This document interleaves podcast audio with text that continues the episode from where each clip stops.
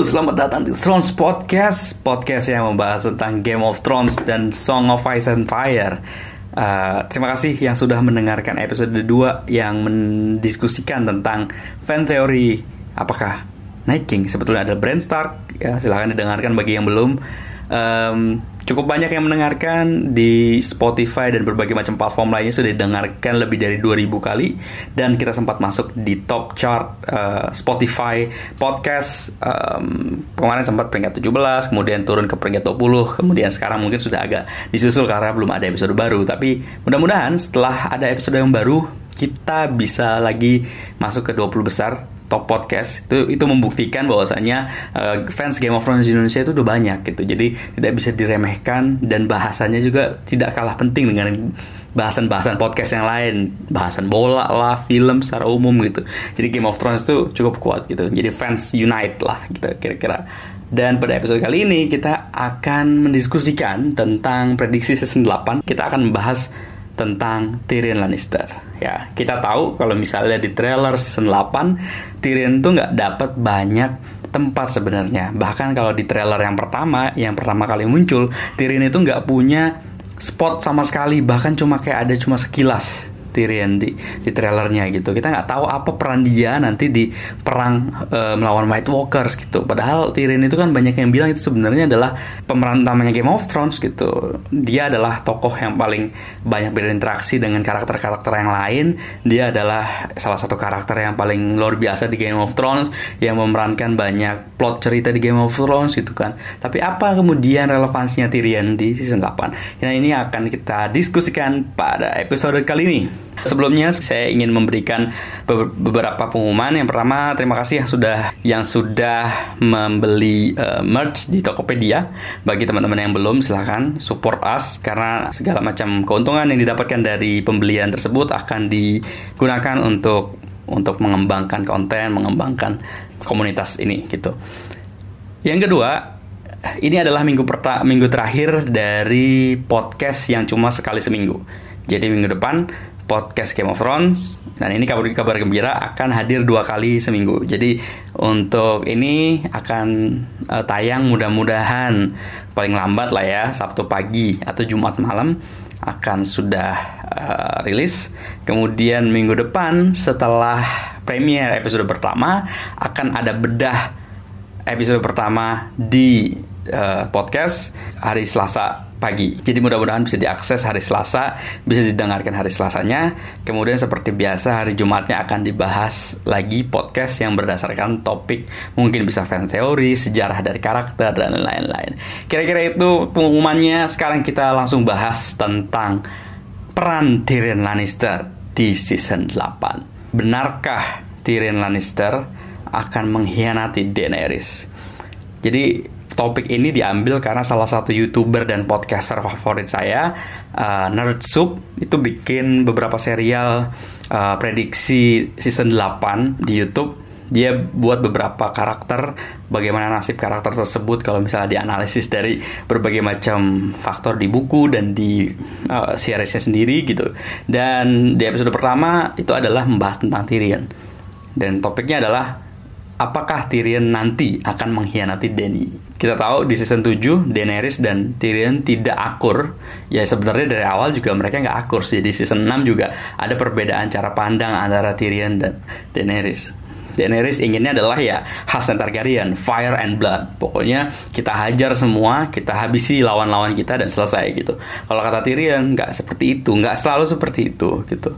Uh, untuk bisa memerintah dan berkuasa di Westeros, tidak seperti seperti pendahulu-pendahulunya Daenerys um, maka diperlukan cara yang lebih elegan untuk bermain politik, diplomasi dan lain-lain lah.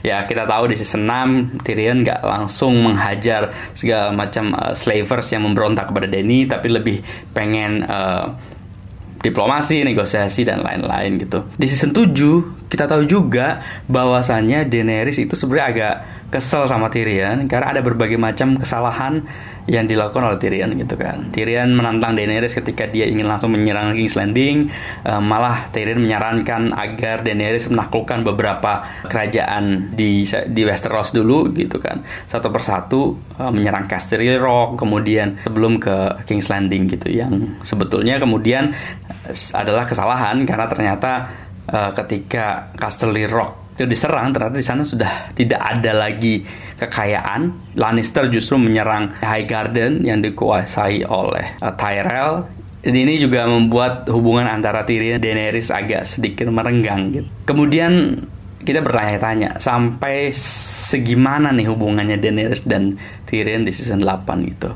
Adakah kemudian titik balik untuk menjadi tim yang lebih solid ataukah justru akan menuju titik di mana mereka akan saling bermusuhan dan satu sama lain ingin berkhianat gitu. Nah ini pertanyaan yang akan kita jawab di podcast kali ini. Sebelum ke situ, kita mungkin balik lagi ke season 5 ketika pertama kali Tyrion dan Daenerys bertemu uh, berbincang satu sama lain empat mata uh, hanya Tyrion dan Daenerys. Waktu itu kita ingat bahwasanya Daenerys ditanya oleh Tyrion, "Kenapa sih kamu nggak stay aja di Merin. Kamu di sini udah berkuasa, kamu di sini bisa memerintah dan bahkan bisa berdampak ke kehidupan masyarakat di Merin gitu. Ngapain kamu harus datang pulang ke Westeros gitu? Kata Daenerys ya ini uh, bukan kampung saya, kampung saya adalah di Westeros gitu. Lalu Tyrion bilang, lalu apa bedanya kamu dengan pemimpin yang lain gitu? Yang lain juga udah sering kok uh, apa yang ingin kamu lakukan gitu kan. Mereka berusaha untuk stopping the wheel gitu tapi kata Daenerys, saya tidak ingin stopping the wheel, tapi saya ingin breaking the wheel. Artinya adalah dia pengen mengubah tradisi dan kebiasaan uh, yang berhubungan dengan kekuasaan di Westeros. Dia ingin mengubah Westeros yang tadinya mungkin uh, kacau balau akibat perebutan kekuasaan. Dia tidak ingin lagi masuk kelingkaran atau keroda kekuasaan yang seperti itu dia juga tidak ingin menyetop atau mengganti roda tersebut tapi ingin menghancurkan roda tersebut. Dan sejak saat itulah Tyrion ikut mendukung Daenerys untuk bisa merebut kekuasaan di Westeros. Apakah cita-cita tersebut masih ada ketika Daenerys sudah ada di Westeros saat ini di season 7 itu yang dipertanyakan oleh Tyrion. Tyrion ketika di season 7 itu mereka mereka berdua berbicara lagi gitu. Kata Tyrion, kalau misalnya kamu benar-benar pengen breaking the wheel, maka yang harus ditentukan dari sekarang adalah gimana nanti menentukan suksesi kepemimpinan. Karena gimana pun kalau pengen mengubah atau mereformasi atau merevolusi Westeros, ya harus dari dari akarnya yaitu adalah suksesi kepemimpinan atau pergantian kepemimpinan yang selama ini kan pakai tradisinya abad pertengahan di mana ya uh, raja kemudian mewarisi kekuasaan kepada anaknya, anaknya kemudian kepada cucunya. Itu yang sebetulnya ingin diubah dari Daenerys di sisi yang lain Daenerys ya setahu Daenerys ketika dia apa namanya sempat keguguran anaknya uh, Hal Drogo itu Daenerys merasa tidak bisa melahirkan anak kembali. Maka mau nggak mau dia harus berpikir tentang bagaimana nanti menentukan kekuasaan siapa yang berkuasa setelah Daenerys tidak ada gitu. Masalahnya Tyrion pengen itu ditentukan dari sekarang lah artian se walaupun sebelum Daenerys berkuasa sudah ada kesepakatan dan komitmen bagaimana itu ditentukan gitu. Uh, ternyata Daenerys juga mau gitu. Ayo kita bicarakan nanti aja lah ketika uh, ketika nanti kita udah benar-benar berkuasa. Itu dibahas nanti ketika saya sudah memakai uh, mahkota kalau kata Daenerys gitu. Dan ini diperparah dalam artian ketidakpastian uh, breaking the wheel suksesi kepemimpinan setelah Daenerys ini ketika Daenerys itu berpacaran dengan Jon Snow. Ya ini kalau teman-teman yang mungkin masih ingat di ending season 7 itu ya Jon Snow mengetuk pintunya Daenerys kemudian ya terjadi apa yang mereka inginkan gitu. Uh, sebelumnya juga Daenerys dan Jon Snow sempat berbincang tentang ya Daenerys bilang saya nggak bisa punya anak. Terus kata Jon Snow hmm, mungkin itu mungkin itu nggak benar gitu. Mungkin aja kamu dengar dari sumber yang salah gitu. Terus seakan-akan Jon Snow pengen mencoba. Bener nggak sih? Daenerys itu nggak bisa punya anak gitu. Mungkin aja setelah season 7 kemudian mereka itu berhubungan nanti Daenerys hamil gitu. Sehingga upaya Tyrion untuk mengubah uh, tatanan kekuasaan di Westeros yang tidak lagi berdasarkan keturunan itu mungkin bisa berantakan. Karena ada anaknya Jon Snow dan Daenerys. Makanya ketika ya sekali lagi ending di di season 7 ketika Jon Snow ngetok kamarnya Daenerys gitu. Di situ Tyrion kan ngintip gitu. Dan ngintipnya bukan kayak orang jelas karena uh, Daenerys kemudian akhirnya berpacaran sama Jon Snow tapi Tyrion mungkin berpikir gitu. Waduh kalau misalnya Jon Snow bisa menghamili Daenerys dan mereka akhirnya punya anak rencana saya bisa buyar gitu. Rencana untuk mengubah tatanan uh, Westeros yang tidak lagi berdasarkan keturunan itu uh, bisa bisa buyar. Makanya tadi apa namanya apakah mungkin Tyrion ya di kemudian hari di ending season 8 mungkin di ending Game of Thrones yang kita tahu mungkin akan mengkhianati Dany mengkhianati Daenerys ya agar supaya breaking the will itu tetap kejadian.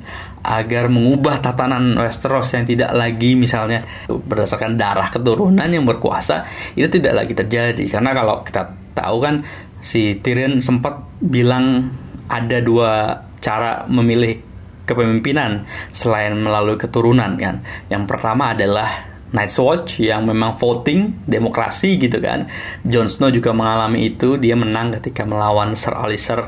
Night's Watch melakukan pemilihan kepemimpinan tidak berdasarkan darah gitu, tapi berdasarkan tadi voting gitu. Kemudian di Iron Island uh, itu juga siapa yang berkuasa di Iron Island itu juga berdasarkan uh, voting dari kapten kapal. Um, bukan voting sebetulnya dari musyawarah ya. Jadi musyawarah mufakat kan.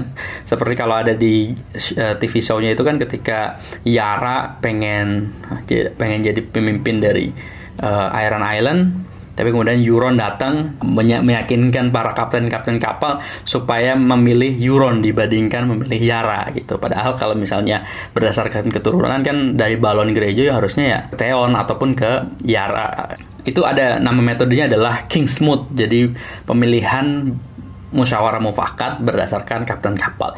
Nah, apakah Westeros kemudian akan berubah apakah Seven Kingdoms tidak lagi menjadi kingdom yang kita tahu uh, meneruskan suksesi kepemimpinan kekuasaan kepada keturunan dan anak-anak yang berdasarkan darah gitu kan. Apakah itu ending Game of Thrones? Tidak berpikir Kemudian siapa yang akan berkuasa? Apakah Daenerys? Apakah Jon Snow? Ataukah anaknya Jon Snow dan Daenerys gitu? Tapi mungkin nanti endingnya Game of Thrones adalah berdasarkan berdasarkan tatanan kekuasaan yang baru gitu, tidak lagi berdasarkan darah keturunan raja, tapi berdasarkan siapa yang paling capable untuk menjadi pemimpin di Westeros. Soalnya pembahasannya udah lumayan lumayan dalam ya tentang masalah politik dan kekuasaan. Tetapi mungkin itu yang nanti jadi jadi endingnya Game of Thrones gitu bahwa setelah ada peperangan dengan White Walker, setelah ada peperangan antara rebut kekuasaan antara Cersei, Daenerys, ataupun mungkin Jon Snow, mungkin endingnya adalah ada tatanan yang baru, mungkin nanti akan ada pemilihan dari karakter yang utama mungkin nanti ya. Mungkin ada mungkin kemudian Tyrion terpilih gitu sebagai pemimpin pertama yang dipilih bukan berdasarkan keturunan raja tapi berdasarkan voting atau pemilu misalnya di Westeros. Masih mungkin gitu bukannya nggak mungkin ya. Balik lagi ke masalah Tyrion dan Daenerys. Mungkin nggak? Nanti setelah Daenerys merasa dia bisa punya anak dari Jon Snow dia nggak mau lagi tuh mengubah tatanan kekuasaan di Westeros itu seperti yang sudah berkomitmen dengan dengan Tyrion. Dan sehingga Tyrion mau nggak mau karena dia percaya bahwasanya tatanan di Westeros harus berubah tidak lagi berdasarkan keturunan sehingga mengakibatkan e, malapetaka lah di Westeros gitu kan. Semua orang pengen jadi kekuasaan pengen pengen dapat kekuasaan dengan peperangan gitu. Akhirnya Tyrion harus mengkhianati Daenerys gitu. Entah mungkin nanti Tyrion yang akan membunuh Daenerys gitu ataupun mungkin memanipulasi Daenerys sehingga Daenerys tidak lagi bisa berkuasa misalnya.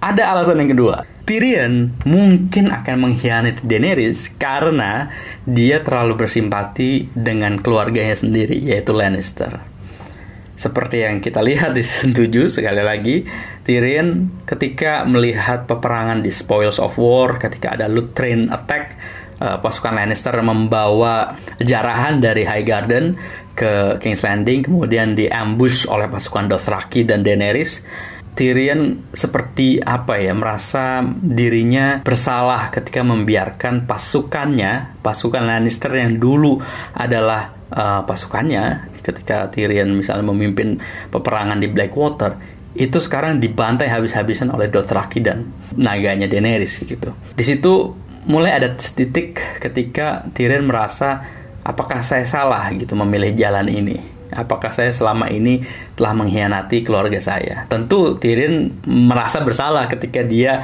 membunuh Tywin gitu kan. Dia bilang ke Cersei bahwasanya ya dia juga merasa bersalah sampai saat ini ketika membunuh Tywin tapi gimana lagi gitu. Ini juga sebenarnya ada teori kan bahwa untuk meyakinkan Cersei sebetulnya dan ini off screen mungkin aja Tyrion meyakinkan Cersei bahwa setelah Daenerys karena Daenerys tahu Tyrion tidak bisa punya anak, maka nanti anaknya Cersei yang akan menjadi uh, penerusnya Daenerys sebagai raja gitu. Jadi untuk menengahi supaya Cersei itu tidak harus melawan Daenerys dan tidak harus ada peperangan melawan Daenerys gitu. Sampai kan kemudian juga Daenerys meragukan kemampuan Tyrion untuk betul-betul menghabisi keluarganya sendiri gitu. Daenerys bilang, apa kamu sebenarnya nggak tega membunuh uh, keluarga kamu sendiri gitu. Dan ya kalau kita lihat di season-season sebelumnya, Tyrion itu sebenarnya sayang betul dengan Lannister gitu. Dengan anak-anaknya Cersei walaupun dia sendiri benci sama Cersei gitu. Dia sendiri sayang dengan Jaime gitu yang selama ini uh, ada di pihaknya Cersei. Tapi mungkinkah gitu ada motivasi Lannister sehingga kemudian dia mengkhianati Daenerys demi keluarganya. Anaknya Cersei yang sedang ada di dalam kandungan tersebut tidak kemudian dihabisi gitu. Apakah mungkin misalnya Daenerys akan dihianati oleh Tyrion untuk melindungi Jaime? Mungkin Jaime akan dibunuh oleh Daenerys gitu ataupun ya sekali lagi kalau kita pengen membantah ya Tyrion tidak sejahat itu kan kalau kita tahu Tyrion adalah salah satu karakter yang punya apa ya kebaikan hati gitu. Tapi sekali lagi di season 2 kalau kita ingat Tyrion bilang gitu I'm not a Ned Stark gitu. Gue bukan honorable man. Uh, dia bukan Ned Stark dia bukan orang yang terhormat dan mulia seperti Ned Stark gitu. Dan mungkin saja Tyrion akan melakukan apa yang harus dia lakukan ketika keluarganya terancam, ketika mungkin Cersei-nya Cersei terancam dibunuh sehingga anak keturunan Cersei kalau memang betul Cersei betul-betul sedang mengandung ya. Kemudian Jaime mungkin ketika diancam dibunuh oleh Daenerys, mungkin saja Tyrion akan mengkhianati Daenerys. Entah dengan seperti apa sekali lagi ya, nggak tahu apakah kemudian Tyrion sendiri yang akan membunuh ataupun mungkin akan ada konspirasi untuk membunuh Daenerys misalnya ketika Daenerys. Dan ini juga mungkin tidak serta-merta yang jahat adalah Tyrion. Mungkin saja nanti Daenerysnya yang menjadi impulsif, menjadi jahat Oke, jadi itu adalah dua alasan yang mungkin tidak serta merta dua alasan itu akan terjadi dalam uh, dalam momen yang bersamaan ataupun dua-duanya akan terjadi, tapi mungkin bisa salah satunya. Saya akan tambahkan satu motivasi lagi kenapa Tyrion mungkin akan mengkhianati Daenerys. Kalau berdasarkan video Nerdsub yang saya kutip tadi ya. Tyrion mungkin akan mengkhianati Daenerys. Nah, ini bukan karena motivasinya Tyrion sebenarnya. Lebih kepada kalau teman-teman ingat dulu ketika Daenerys di House of Undying dia pernah punya profesi dia sempat ada semacam apa ya bayangan seperti semacam mimpi gitu kan. Dan itu banyak sekali penjelasannya kalau di buku. Dan itu sempat ada dibahas sih di blognya Trons ID uh, mungkin teman-teman yang baru follow mungkin lupa kita pernah punya blog. Dan itu ada salah satu kontributor kita yang pernah menulis bagus sekali tentang House of Undying versi buku ya. Karena kalau di versi TV series itu nggak begitu panjang kan. Kalau misalnya di TV seriesnya cuma ngelihat ada uh, King's Landing Iron Thrones yang kemudian hancur karena winter. Kemudian ketika dia keluar dari uh, ruangan Iron Throne itu dia keluar dari the wall. Kemudian dia masuk ada tenda di dalamnya ada Hal Drogo dan anaknya yang yang keguguran itu gitu. Cuma itu aja. Cuma kalau misalnya di uh, kalau di bukunya itu lebih lengkap lagi dan cukup panjang mimpi ataupun profesi yang dia dapat gitu. Nah dalam mimpinya Daenerys tersebut ada profesi yang menjelaskan bahwa Daenerys dalam hidupnya dia akan tiga kali dihianati. Pertama dia akan dihianati for blood, jadi demi darah, demi nyawa Nah ini kalau misalnya ada orang yang menjelaskan mungkin eh, Daenerys sudah dihianati ketika apa namanya dia tuh ketika Haldrogo sakit karena ada luka luka apa namanya infeksi kan. Kemudian dijanjikan akan diobati oleh salah satu penyihir yang dulunya menjadi tahanannya uh, Dothraki. Tapi ternyata dibuat Haldrogo dibuat semacam apa ya semacam koma lah ataupun uh, seperti tidak bernyawa. Dia hidup tapi nggak ada nyawanya gitu. Nggak sadar nggak sadarkan diri tapi dan itu itu kan dihianati sebetulnya oleh uh, si penyihir itu untuk supaya uh, balas dendam gitu atas apa yang dilakukan oleh Dortaki kepada desa dan uh, keluarga penyihir tersebut gitu. Yang sehingga kemudian uh, Daenerys akhirnya harus membunuh si Haldrogo dengan tangannya sendiri uh, supaya bisa tenang di alam sana kan.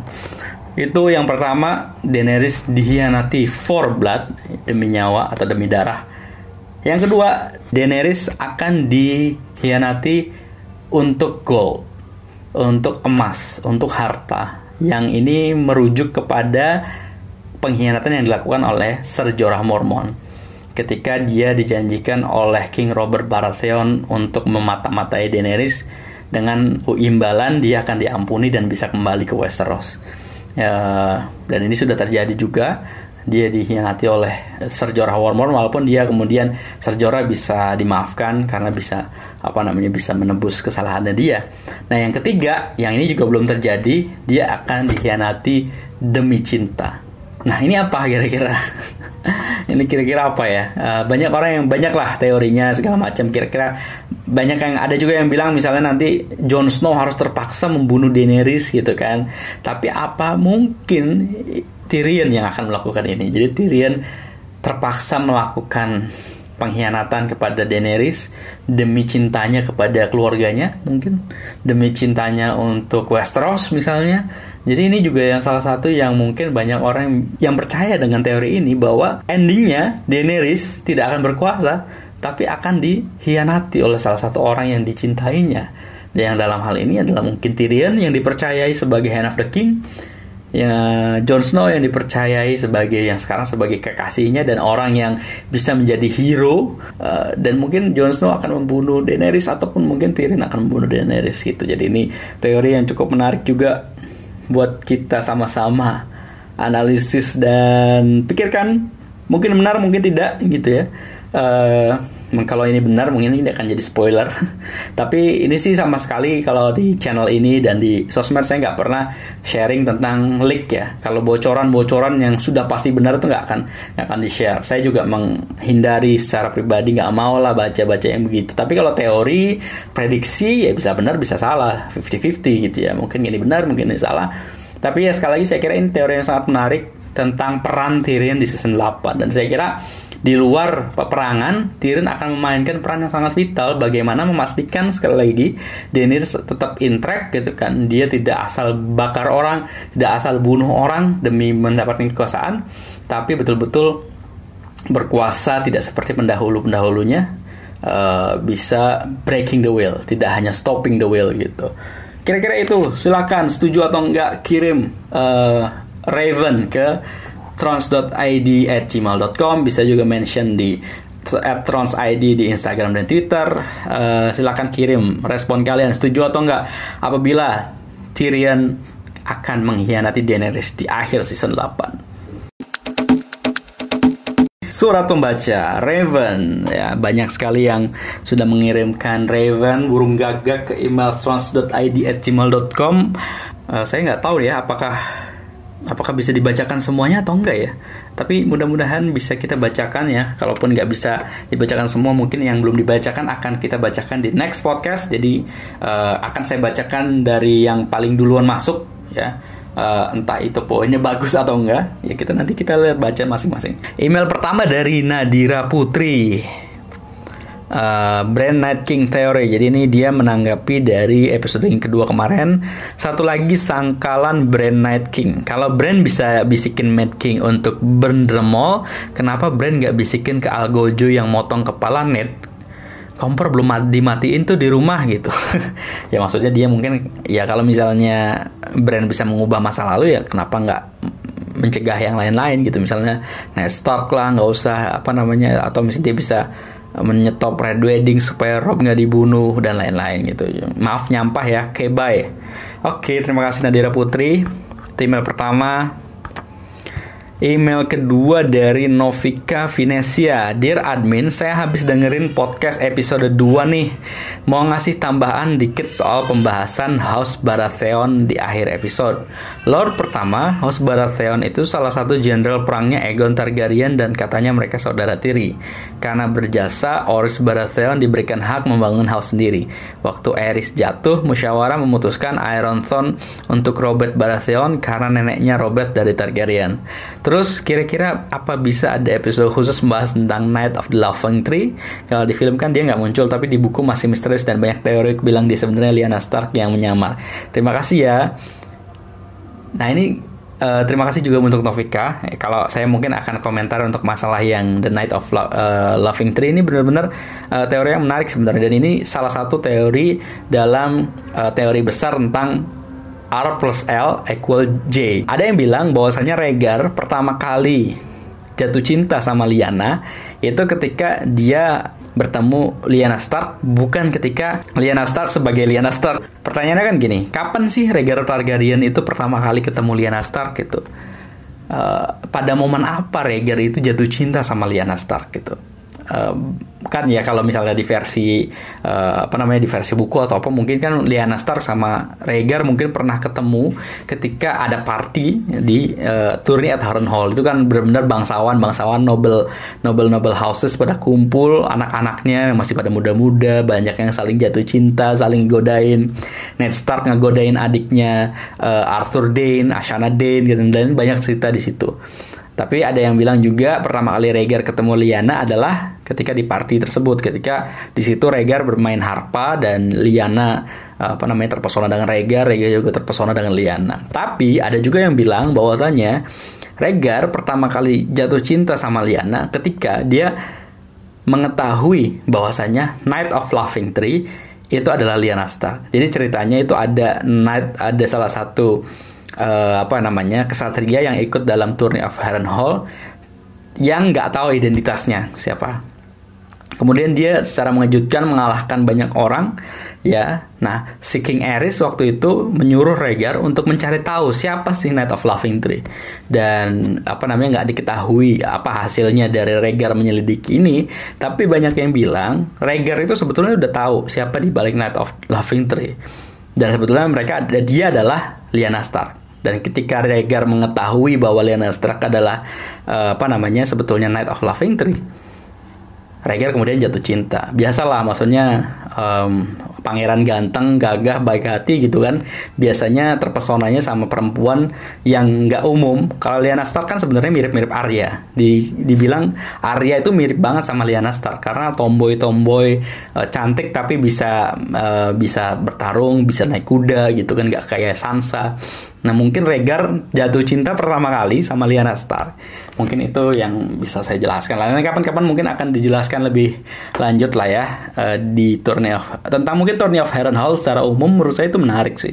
Banyak banget kisah-kisah yang berkaitan dengan uh, cerita yang lebih besar ataupun mungkin yang kecil-kecil kayak tadi misalnya Ned Stark itu pertama kali uh, lirik-lirik adiknya Arthur Dane, Arthur Dane misalnya Ashara Dane itu cinta sejatinya Ned Stark kan itu. Nah itu nanti mungkin kita bahas lain waktu. Terima kasih Novika Venesia yang sudah mengirim email.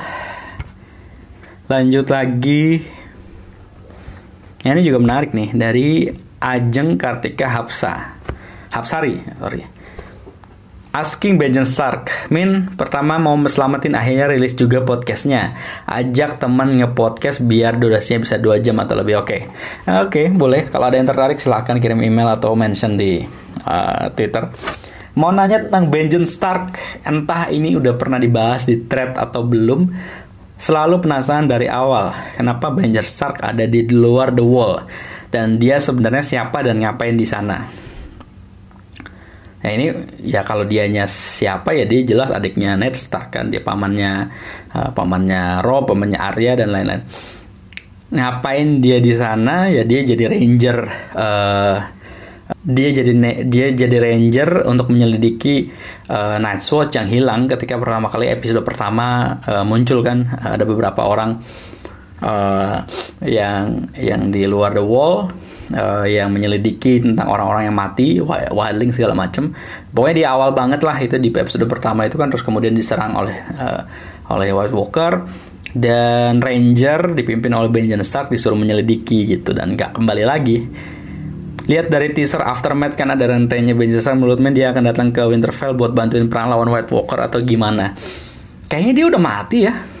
Um, gue nggak tahu deh Benjamin Stark akan di akan ada relevansi nggak di season 8 karena sebenarnya agak aneh sih Benjamin Stark kemudian datang tiba-tiba nolong Jon Snow di season 7 terus tiba-tiba itu kayak cuma sekelibat nggak ada relevansi begitu aja. Dia kayak kemudian menolong Jon Snow supaya Jon Snow lari uh, dari kejaran uh, White kemudian Benjamin Stark merelakan dirinya menghalau White sehingga Jon Snow bisa lari. Itu juga agak aneh sih sebenarnya uh, dan saya nggak yakin bahwasanya Benjamin Stark akan akan datang lagi akan uh, menyelamatkan segala macam ya. Dan saya sih lebih percaya yang menyelamatkan bukan Benjamin Stark. Kalau yang nanti di Winterfell um, yang menyelamatkan adalah Melisandre. Dan itu nanti akan saya dan itu sudah dijelaskan di episode pertama kalau mungkin kamu dengerin ya. Sama kalau bisa cerita cerita tentang perang Robert Rebellion. Oke. Okay. Terima kasih dari Ajeng Kartika Hapsari. Lanjut ke apa nih? Dari Aditya D. Min berhubung Elaria dies off screen probably. Apakah ada kemungkinan pasukan Martel ikut bantu Great War? Dan siapakah yang rule House Martel semenjak Elaria mati? Thanks, Min. Ya ini juga pertanyaan yang menarik ya karena House Martel itu kalau misalnya di buku itu benar-benar house yang cukup kuat nggak kalah dengan kayak Stark ataupun uh, Lannister. Kalau di TV series kayaknya dia cuma kayak jadi apa ya sampingan ceritanya Lannister sama Stark doang gitu. Itu juga sebenarnya yang sangat disayangkan sih banyak yang pembaca bukunya itu yang yang kesel sama TV seriesnya karena ya House Martel kayak semacam di semacam disampingkan begitu.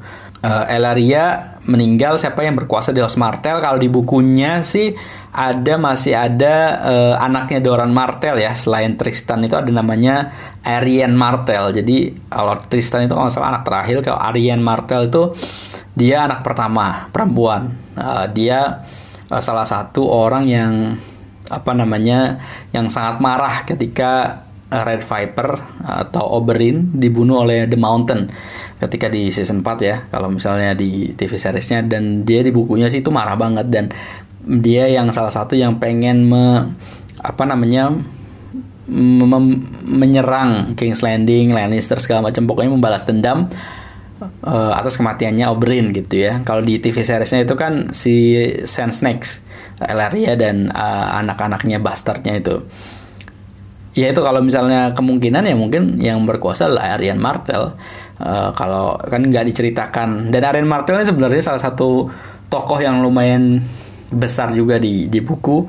Maksudnya banyak ceritanya. Dia diceritakan dulunya akan dijodohkan sama Viserys Targaryen uh, dan House Martel itu kalau teman-teman yang nggak tahu ketika uh, Robert's Rebellion kan mereka mendukung um, uh, Targaryen ya karena kan Elia Martell itu uh, istrinya Rhaegar uh, kemudian juga El Elia Martell juga nggak nggak nggak diperbolehkan untuk pergi ke Dorne sama King Aerys karena takut Dorne nanti akan membelot ketika Elia. Jadi Elia semacam, semacam jadi tahanan sama si King Aerys di King's Landing yang kemudian dibunuh sama um, dibunuh sama The Mountain gitu. Setelah Robert's Rebellion itu sebenarnya Dorne itu salah satu Uh, salah satu house yang pengen mengembalikan kekuasaan Targaryen.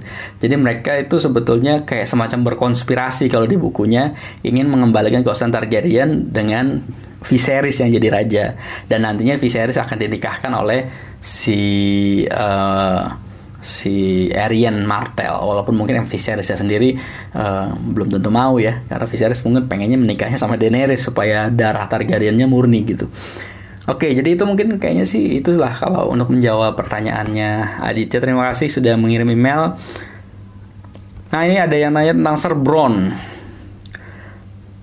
Season 8 is here. Di antara banyaknya karakter ada satu karakter yang bisa dibilang luput dari pembahasan, yaitu Sir Bron of Blackwater.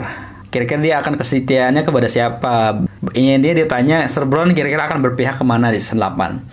gitu kalau misalnya lihat di uh, trailer yang pertama ada yang bilang bahwasanya kan di situ ada Jamie yang kelihatannya kayak teriak. Ada yang kemudian kayak semacam mengulik apa sih sebenarnya yang diteriakin oleh Jamie itu adalah Bron dia Jamie waktu perang uh, Battle of Winterfell dia teriak Bron gitu. Mungkin Bron akan kenapa-napa mungkin Bron mati ini di Battle of Winterfell. Yang jelas uh, Bron kemungkinan akan ikut Jamie ke ke Winterfell. Kira-kira gitu sih uh, uh, Bron nggak mungkin nggak begitu banyak yang bisa dibahas nih terima kasih buat Aldi panjang banget lumayan dia kayak fansnya Bron banget nih uh, terima kasih sudah kirim email Uh, ini dari Bella Audina, Hello Min mau nanya dong kalau mau streaming online GOT untuk season 8 nanti ada rekomend gak di mana? Aku anak kosan dan gak ada TV kabel untuk lihat di HBO Ranger Hub. Thank you in advance. Uh, nih saya bacain tapi mungkin saya nggak bisa kasih jawaban lah ya. Silakan cari aja di internet tuh banyak banget lah. Pasti yang ilegal maupun yang ilegal gitu.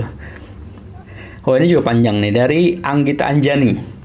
Vala Mogulis, Vala Dohairis. Hi admin, I am Marianne And it's nice I could send a raven to you. Oh ini bahasa Inggris nih satu full.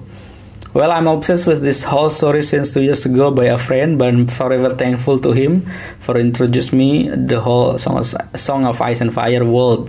For me, this best yet epic spose, epos ever made in this earth, beside the Mahabharata epos one. Okay, Many episodes since here taught me a lot, shaped me into better state of mind, filled my identically crisis to brave, to not judging, widening my point of view in life because it's very relatable. There's no black and white in this world, and everything is happen for a reason itself. Uh, dia bilang uh, intinya ya banyak inilah banyak jasanya Game of Thrones memberikan banyak sekali pelajaran kehidupan gitu ya. Uh, ini lumayan panjang.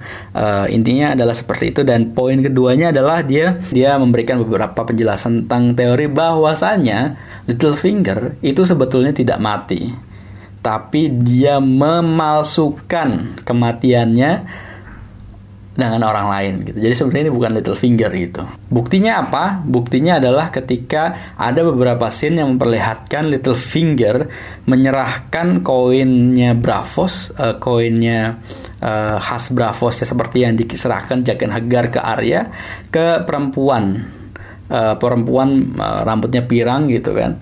Jadi intinya adalah mungkin si little finger ini sudah memalsukan kematiannya dengan cara meng-hire uh, faceless assassin seperti Arya, orang Bravos yang menyamar menjadi dirinya di Winterfell, kemudian dibunuh oleh uh, Arya ya di season 7 gitu. Dan saya sih secara pribadi percaya ini ya.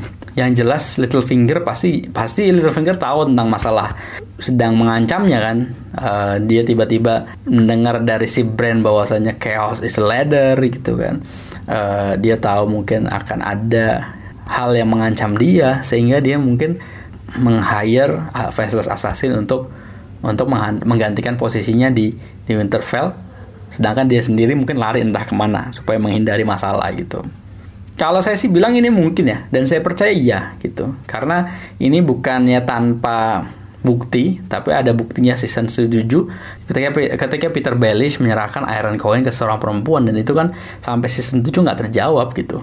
Nah pertanyaannya tapi apakah kemudian si Littlefinger punya relevansi cerita di season 8 gitu? Kalau memang terbukti ya, kalau memang betul-betul si Littlefinger tuh memalsukan kematiannya di uh, season 7 gitu. Kalau menurut saya sih enggak jadi saya percaya bahwasanya Littlefinger nggak mati, tapi bukan berarti kemudian dia akan di season 8 akan mengacaukan banyak hal seperti yang sudah dilakukan sebelum-sebelumnya. Kalau menurut saya, nanti ini tebakan saya, prediksi saya, mungkin dia akan mereveal di season 8 bahwasanya dia tuh sebetulnya nggak mati tapi semacam kayak sekilas aja jadi mungkin nanti kan showrunner ini akan bikin semacam kayak cliffhanger mungkin di akhir-akhir yang tiba-tiba ketika ketika semua udah selesai sudah mati semua perang sudah selesai gitu kan eh, orang-orang lagi pada bingung menentukan siapa yang harus berkuasa tiba-tiba kemudian si Littlefinger datang gitu. Dan nanti shownya selesai gitu season 8 selesai. Dengan yaitu cliffhangernya adalah ternyata Littlefinger masih hidup dan mungkin akan mengacaukan uh, Westeros untuk cerita setelah Game of Thrones gitu. Dan itu menurut saya sih akan luar biasa heboh sih pasti. Wah ternyata Littlefinger nggak mati gitu kan. Dan endingnya Game of Thrones nanti ternyata siapa pun yang berkuasa akan masih berhadapan dengan Littlefinger. Jadi cliffhanger gitu. Thank you untuk uh, Miriam. Oke, okay, ini Raven terakhir ya. Email terakhir. Halo Min, pertama saya ingin menyapa angkornya dan para pendengar podcast ini. Mantap nih jadi nambah pustaka podcast yang udah mulai rame. Saya punya pertanyaan nih, ada tiga terserah mau jawab yang mana. Sebelum gabung Salesforce, siapa sebenarnya sosok Sir Brown of fucking Blackwater? Karena dia bisa hafal lagu Lannister, dia pernah bilang pergi ke Beyond the Wall. Pas ditanya sama Shay ngapain dia ke sana, dia bilang tugas. Saya tahu Sir Alistair dikirim ke The Wall. Kenapa? Cuman kenapa serbarisan Selmy nggak dikirim juga malah dijadikan Kingsguard? Apa ada pertimbangan lain? Um, apa sebenarnya yang ada di The Crypt of Winterfell? Menarik banget se karena sejauh season berjalan belum ada penjelasan detail. Banyak orang yang nggak nyaman masuk ke sana dan banyak banget rahasia di sana yang mungkin ada jadi solusi ngalahin Night King. Belum lagi hidden tunnelnya. Mungkin nanti season 8 baru terungkap. Yang kedua dulu ya, kenapa serbarisan Selmy nggak dikirim juga malah dijadikan Kingsguard? Kalau Sir Alistair itu dia uh, pasukannya Targaryen dari House Thorn, um, dia apa namanya orang yang memang apa ya semacam pendukung beratnya Targaryen. Jadi uh, sama Tywin ceritanya Sir Alistair ketika uh, kalah di pertarungan sama Tywin dipilih, lo mau mati ataupun mau ke uh, Castle Black ya Sir Alistair Thorne akhirnya dipergi ke uh, Castle Black. Kemudian kalau Sir Barristan Selmy beda, dia posisinya adalah Kingsguard. Kingsguard itu sebenarnya dia netral ya, nggak mendukung uh, house tertentu. Dia juga nggak ya sama seperti Night Sword sebenarnya kan dia nggak berhak ber, berhak memegang kekuasaan, dia nggak berhak untuk uh, punya anak, nggak bisa punya keturunan, hanya boleh mengabdi kepada raja. Maka ketika barisan Selmy bertarung untuk King Aerys ya itu hanya sekedar menjalankan tugasnya dia gitu. Jadi dia bukan semacam pendukung simpatisan gitu, bukan, tapi dia hanya menjalankan loyalitas. Makanya sama si Robert Baratheon dimaafkan dan malah dijadikan uh, Kingsguard-nya, koman komandan Kingsguard-nya uh, King Robert gitu. Um, kalau sejarah Bron kayaknya saya nggak pernah dengar ya. Uh, nah ini juga misteri nih. Jangan-jangan Sir Bron itu adalah ini lagi faceless assassin gitu atau apa. Nah, saya terus nggak tahu ya nomor pertama mungkin akan cari tahu setelah ini. Kalau ada yang teman-teman yang tahu tentang sejarahnya Bron of Blackwater, silahkan kirim ke email. Tiga, apa sebenarnya yang ada di Crypt of the Winterfell tadi ya? Saya belum pernah dengar bahwasanya yang ada di The Crypt itu punya solusi untuk mengalahkan White Walker. Yang pernah saya dengar adalah di The Crypt di bawah uh, makamnya uh, Lyanna Stark. Di situ ada barang-barang peninggalannya Rhaegar di Tower of Joy. Jadi ketika si Ned itu menyerang Tower of Joy, itu juga barang-barangnya Rhaegar itu kayak dibawa, barang-barang peninggalannya Rhaegar. Salah satunya adalah harpa kesayangannya Rhaegar dan itu sih katanya membuktikan sebagai salah satu bukti bahwa uh, Rhaegar dan Liana benar-benar menikah. Dan Ned tahu. Dan dan Johnson adalah ada di situ ada buktinya juga bahwasanya bayi yang dibawa Ned adalah uh, anaknya Rega dan Liana.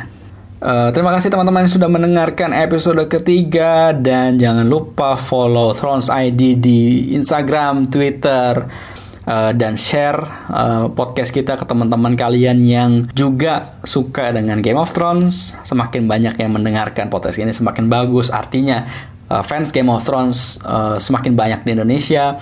Jangan lupa beli merch kaos Game of Thrones di Tokopedia. Uh, support us. Semua keuntungan akan digunakan untuk pengembangan konten, podcast dan lain-lain. Kira-kira itu untuk episode ketiga Uh, sampai jumpa di episode keempat yang akan membahas tentang review episode pertama dari season 8. Sampai jumpa.